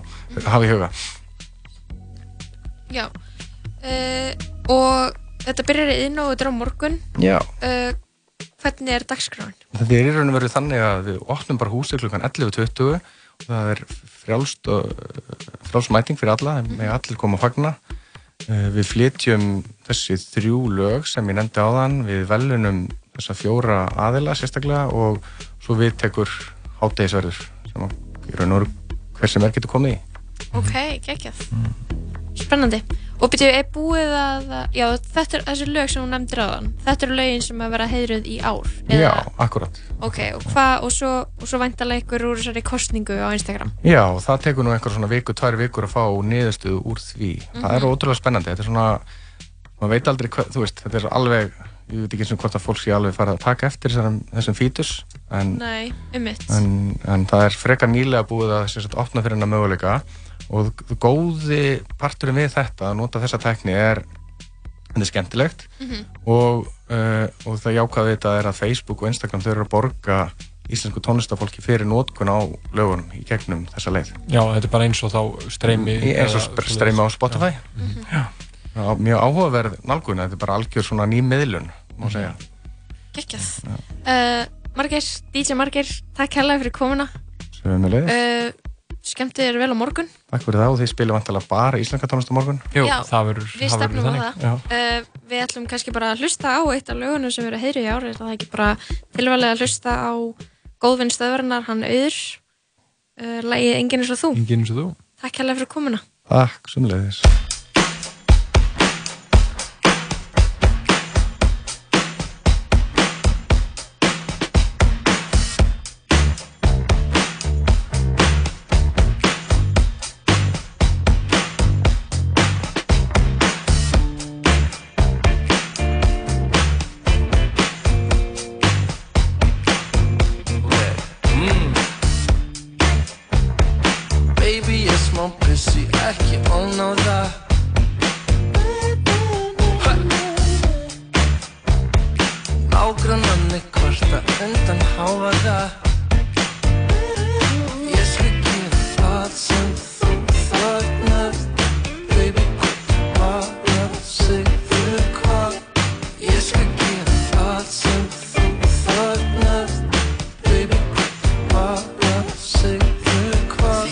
er enginn eins og þú.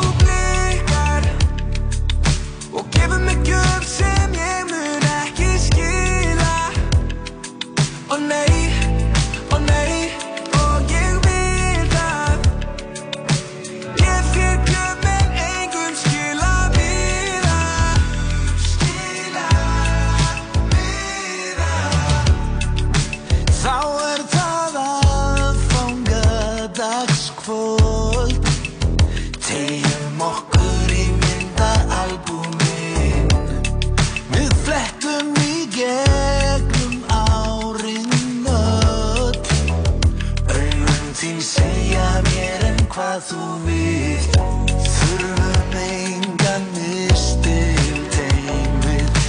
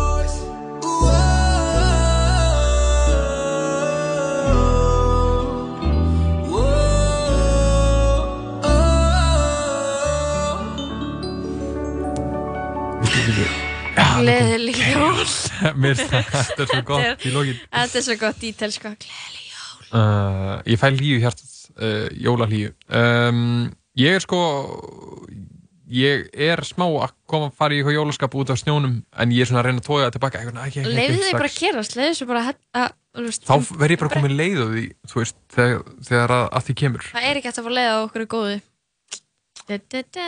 uh, Ok. Sko, uh, jú, það er jól. Við erum að tala um jólin hérna. Uh, Aðvenda, Mhm. fyrst í aðvendum helgina. Við erum að fara að spila jóladagatal. Já, það var síðustu helgi. Já, senst helgi. Já, já. Og það var spátumskerti Einmitt. Og hv- hvað kerti kemur næst, það veit enginn. Nei.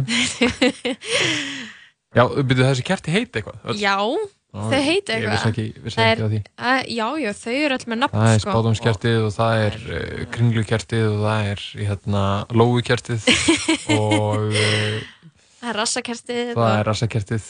Það er eitt gott Mikið rassakerti. Herru, þarna Le- komið að bulli. Nei, ég ætlaði bara að segja þér og líka þér kæri hlustandi að bara leiði þessum jólanda að bjóttan minn sko Mm, ég bauð snjóin velkomin Mm. inn í lífið mitt. En ertu búin að setja upp serjur? Uh, ég persónulega nei, ekki. Mamma henni er búin að gera það sem sagt, það er það sem þú ert að segja mamma mín setti einhverjar, eða, eða pappi eða eitthvað, ég veit ekki, einhverjar serjur upp. Já, í Eh, hvaða lit? Bara, bara, bara engum lit. Hvítar sem sagt Já, Já, ok Það er eiginlega uppáhalds serjuliturinn minn Já, ég Persónulega. Ég þoli ekki svona marglitu liti, sko. uh, Marglitu Ok, býtu, ég strax að ég er orðin eitthvað grinch eitthvað að, tala illa um jólaserjur Alla serjur eru flottar uh, og eiga rétt á sér í svona réttu samhengi allar serjur er þetta sér. Þetta er bara svona serju virðing Jú. um, Ok, við ætlum að hlusta á jóladagatalið Já, og- jólatalatal. talatal og svo komum við ná kveðjum ykkur eftir öskamastund að, að því loknu Mhm. þetta er, sem eru svona um það byrj 20 mínútur en hér er það, það er hann Pálmi Freyr Haugsson, Guðmundur Felixson á samt góðum gestum Aha.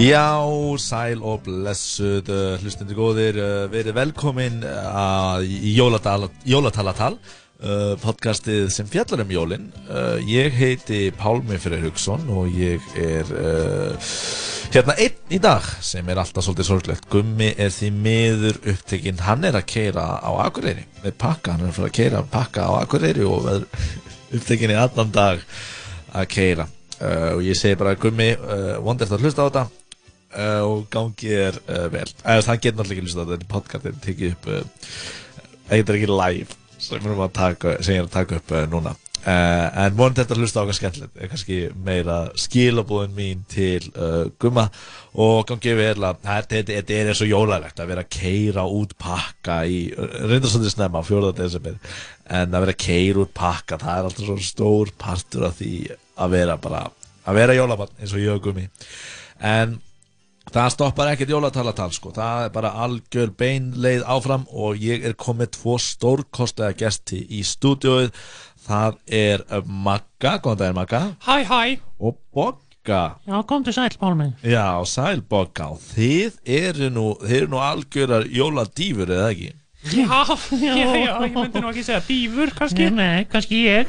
Já, já, já, já, já. Bogga var sko í samkvæmistansi á sínum tíma. Ertu að meina þetta Já, Magga? já, já, já, ég vandi nokkur að veluna. Nei Jú, víst, ég fær ekki að ljúa hérna. Nei, nei, Hvað heldur hún sé einhver lígari? Nei, já, nú Ó ekki að- nei, ég hef verið sökuð um margt en aldrei lígar. Nei, aldrei. Bogga hefur verið sökuð um eitthulega smikl. Já.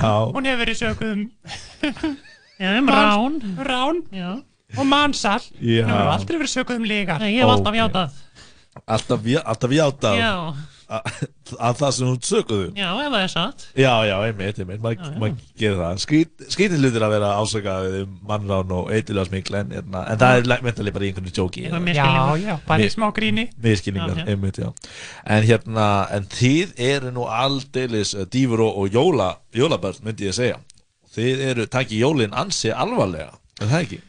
Jú, ég myndi segja það. Jólin eru nú einu sinni bara einu sinni á ári. Mhm. Já, algjörlega. Og þá, hérna, við erum sérst í kvennfélagi.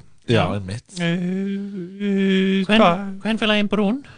Brún, Brún. einmitt Mhm. og ástæðan fyrir að segja að þið tæki jól alvarlega út að þið eru með alveg risastóra söfnun núna í desember Já. Já, núna næsta lögadag, þá verðum við í kringlunni með stærsta kökubasarinn okkar hinga til. Já Já, og það verður sko, hérna, bökust eh, bara lengsta hjóna, hjónabands, uh, sæ, hjónabandsæla sem að gerð hefur verið á landinu. Já.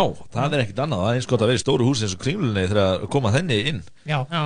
Hvað eru að tala um, hvað er þetta, er þetta Guinness með þetta? Já, við erum eh, búin að vera að reyna að fá það á reynd, en höfum ekki fengið það en þá, en eh, hún verður einhverju 400 metrar. Já. 400 metrar Já, það er mjög langt. Er hún þá að fara í fram og tilbaka Það er mjög langt. Er hún þá að fara fram og tilbaka í kringlunni eða þetta? Hún getur ekki fara í beina línu Það er hún, ekki hún byrjar hérna hjá hagkaup Já. og fer alveg inn, fram hjá, alveg út í útilíf. Já, já, og tilbaka. Nær. þaðan, þaðan upp Það fyrir upp já, Það fyrir öllum sem er í rúlustegan já, já, já, já. Einmitt. Þetta er almennileg hjónabandsleikja. Hann verður lokaður þannig Já, hann verður lokað rúlur Já, já. já, við, við, annars væri ekki hægt að hafa borðar, Pálmi Já, en ég bara hugsa hvernig fólk þá komast að aðra hæðina og borða restina af það hjálmarsæðinu eru fleiri stigar í kringlunni En þeir, þeir fara niður, já þeir fara hinum einn í kringluna Já. og fara upp stegan það eða getur farið á móti umferð í Já. uh, skilur við? Hlaupi hratt upp stegan hlaupir hatt upp rúllustiga Já, hinn já, það var var gerðin bara hættulegt. Já, það verður væntanlega einhver vörður til að hleypa í, í hollum upp og niður. Já, já, já, en það verður erfiðast að ná þeim enda af hjónabarsælinu sem kannski stoppar það, þeir eru fyr, komin í 400 metrar þeir eru komin að aðra hæðina. Nei, svo fyrir þetta inn á uh, hambúrgarafabrikuna sem fyrir utan kringluna. Já, og þaðan uh, inn á bílastæðið og svo aftur inn í kringluna. Þetta er svona risastór snákur, Já, já, já hjónabandsælu snákur. Já, já, já, þannig að það er kannski partur af hjónabarsælinu sem er úti. Já, já, já. Það er bara von eftir góðu veðri. Já, annars er erfitt að borða Þið ætlið alla að borða alla hjónabarsæluna Nei, nei, við ætlum að selja hana. Já, ég, Já, en, en að selja hana alla Já, já. Og við erum búin að reikna hver sneið er að meðaltali hún að 10, nei, 10 cm, þannig að þú getur reiknað hversu, hversu marga sneiður þetta verða. Já. Já, þið eru ansi mikið af, af sneiðum 4000. Já, hérna en, en, en þið verðum með aðrar kukur eða ekki, ekki, bara, ekki bara þessi eða. Ég ætla nú að hendi eina rúllutertu. Já, ok. Rúllutertu, eða brauðtertu kalla ég þetta. Já, já, já, já. Já. En, en er markmið bara að selja þessa hjónumannsælu eða er, Markmið er náttúrulega að setja heimsmet. en er þetta ekki söfnunar er þetta saman peninga þegar ekki Jú, jú, þetta er náttúrulega dýrt að baka svona stóra köku og það þarf alls konar dýr tæki til að koma sér fyrir og það er lokanir og En er maður ekki bara að baka, þú veist hver baka kannski 30 cm og síðan límið veist bara mixið þetta einhvern veginn saman. Og það sem er dýrast við þetta Já, er að þetta á að vera verður að vera heil kaka. Það er ekki það og það, jú, það, það, það er svo dýrt. Það er að flytja inn svona langan bökunaropp Langar, sem beigir akkurat þetta er það að sér snýr. smíða kallið minn. Er þið með 400, 400 metra á Já. Sem er akkurat í lægin eins og leiðin upp já. Hann verður þá að fara upp í loft þessi opnið ekki? já, já. Og þess vegna verður hann úti á hambúrgarfabrikunni Já, er þetta eitthvað flókið eða? Ég er bara, veist, hva, ég veit ekki hvað ég geti ímyndað mér hvað þessu opn verður hvað komið þessum opni fyrir og, og hvernig ætli að, að flytja hann í heilu lægi Fífan. Ha? Við verðum opnin í fífunni. Fífunni? Íþróttasalnum. Og hvernig ætli þessi hann að íþróttasalnum? Já, það er íþrótta, svona fótboltavöllur innan dyra Já, einmitt, einmitt. Þar verðum við með opnin Sem fer á tvær hæðir. Já, með stillansa og svona. Já, já, já. Og, eh, hvernig já. ætli að koma um Þetta úr fífunni? Þetta eru margar einingar. Þetta er, Já, ok, þetta eru margar einingar Já, já, já, þetta er alltaf raða saman. Opnin, opnin eru margar einingar Já, ok. En hjónabandsælan er ein eining. Ein stór eining. Hvernig komið hjálmarsalinu út úr opnun til dæmis? Það er, við erum búin að, við getum opnað þrísa hurð. Svona ofan á uh, ég, Við getum opnað Nei, unit. bara heill veggur sem að fer Ég er bara að tala um hvernig hún ferst úr opninum, skilur Já, sko Þessar opneiningar eru mjög flóknar Og Já. það er hægt að Það er að taka þetta í sundur og Þið eru báðar verkfræðingar eða ekki? Eh, Já, Já, ég finna ágætis vita á þessu ok, ok, ok og hérna og þetta er svona opnað og eftir situr hjónabandsælan á borðinu og þú tekur svona hurðina toppin af opninum Já, einmitt, og sér liftur sælunni allir upp. En hún liggur á, hálfum opninum og tekur lokið ofan af. Og þetta er svona eins og langt borð. Já, þannig að eftir opninum er, er svona borðið undir sælunni. Loksins er þetta ná þessu. Þú voru ekki búin að útskýra þetta fyrir núna? Ég held þetta væri nú frekar augljóðast Þetta er ekki auglust að fyrir á allra hæð Nei. og það er bara auglust að maður tekur á ok, þá er annað vandamál. Hvernig komið þessu frá fífunni og inn í kringluna? Já, við erum ekkert búin að pæli því. Ok, en þú varst að segja að það var stór veggur sem er hugsanlega hægt að opna. Já, í fífunni, uh, við erum að reyna við erum í samræðin við kringluna um hvernig við erum að koma þess inn. Já, hvort það er þetta að færa hagkaup já, já, ég ætla að koma sér inn í kringluna. Já, Emmitt hvort það er þetta að færa hagkaup í ég held, smástund að, ég held að það sé ekki hægt. Ég held að það sé bara mjög langt frá því Og að þið ætla að reyna að þú veist, koma í, þú veist, að ég veit ekki hvernig þið ætla að lifta þessu Og líka að þið komum bara byrjunni inn þú veist, Þannig að hjá hagumsyngangunum Fyrst að það hefur ringurðar Segjum að opni hana skilur Þá þurfa að þræða hana einhvern veginn inn. Já, já, ég hef alltaf sagt það að margar hendur vinna léttverk. Já, Sko jafnvel þóttu myndi taka allt þakið af kringlunni Og láta hana niður í kringluna Þá getur það ekki út af því að þetta er á tveim hæðum. Mm, já þetta eru þetta eru góði púntar já, Já. Við, við erum eftir að skoða þetta En ég verð bara að segja, mér leiði svo þetta viðhorf að segja þetta er ekki hægt, þetta er ekki hægt. Ég hef svo oft heyrt þetta. Já. Þetta var sagt þegar menn ætlaði að fara til tungsins. Já. Það var sagt þetta er ekki hægt og þetta er sagt núna þegar við ætlum að setja heimsmet í Já. heimsins lengstu hjónabandsælu. Þetta var sagt þegar Bokka var kærð uh, fyrir, uh, fyrir uh, sína eitthulega starfsemi. Já. Já. Það var sagt að þetta er ekki hægt að uh, vera, sa- vera hérna, síknuð fyrir þetta. Já. En svo var hún bara síknuð. Já. Þú byrju voruð í eitulega starfsemi Já, Bokka bara smá, Já, en smá. er svona uh, eitthvað í Ég er komið til að tala hér um jólinn sko, ég vil ekkert vera að rópla í einhverjum gömlum tilfinningum. Nei, nei, nei, en, en þið voruð að selja eitthvað, bakað þú varst að selja eitthvað Við ætlum sérst að baka hjónabandsælu sem já. er lengsta hjónabandsæla í heimi. Já, ok. Sem er allir um, einu, e, einu, einu stykki. og ofnin er partur á borðinu. Já, já. Uh, Og við erum að vonast til þess að hver sneið geti farið á uh, 40.000 uh, Hver sneið? Já, vegna 10.000 En bara fyrir kostnað, er ekki góðgerar Er ekki til að Jú, safna en fyrir við erum góðgerar búin að skuldsetja hvernfélagi brún í, í mjög við erum búin að kaupa hann Já, og hann náttúrulega með tilhengandi flutningakostnaði og sér smíð sér smíði og leia fífuna Já, það, þetta, þetta er alltaf slag upp í marga miljardar sko, Já, þannig já. En ég meina að það, það verði kannski ekki afgangur af pening. Nei. Þá erum við að fjárfesta í jólagleði fyrir fólkið. Ok Og að koma Já. góðar fréttir hérna til landsins Ísland í, með nýtt heimsmet. Já, já, já. Og svo er þetta, við viljum líka bara líta á þetta sem startkostnað. Uh, núna getum við alltaf gert þetta um jólin. Já. haft risastóra köku og kannski um næst jól getum við haft risastóra skuffuköku sem liggur hérna eins og snákur utan, utan um kringluna. Gríðalegi Eh, möguleikar. Mhm. Já, já, já, algjörlega. Ég vil nú ekki vera neikvæður. Ég er bara benda á svona bara, Ég er bara forvitin hvernig þetta gæti virkað sko. já, já, það er alveg eðlilegt að spyrja sér spurninga. Já, e, já ég, ég, held, ég held það nú. Þannig að þetta er, þetta er ekki sem góðgera mál og þetta er ákveðin startkostnaði við að já, þetta er góðgera mál þegar við erum búin að borga niður allan kostnaðinn Já, þá uh, rennur allur ágóðin til uh, mæra styrksnefndar.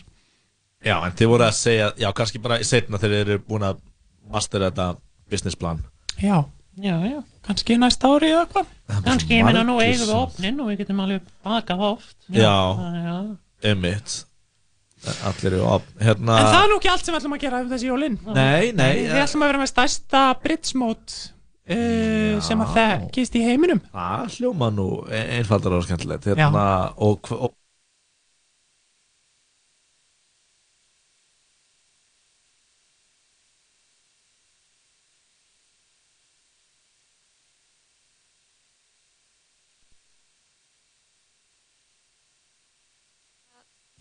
Já.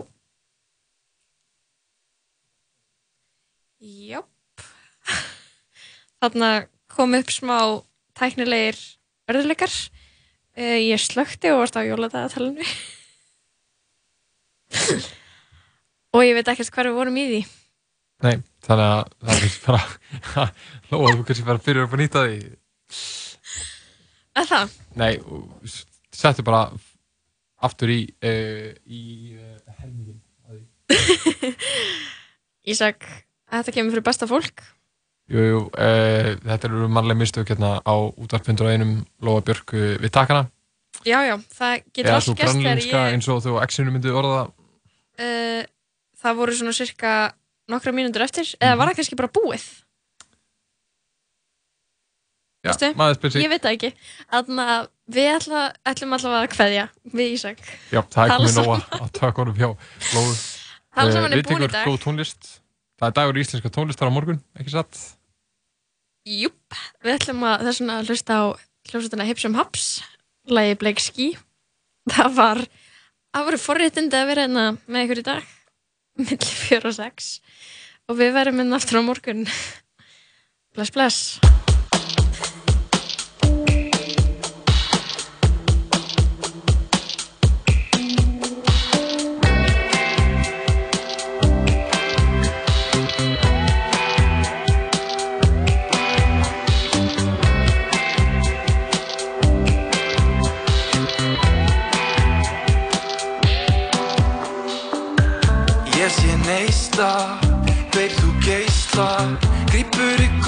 þinn og stinu þegar ég být í þín hafur Böðuð, rósa blöðum Senur okkar mynd sem enginn fær að sjá nema við tvö. Skerum söðu saman það sem mann stjórnum öllu.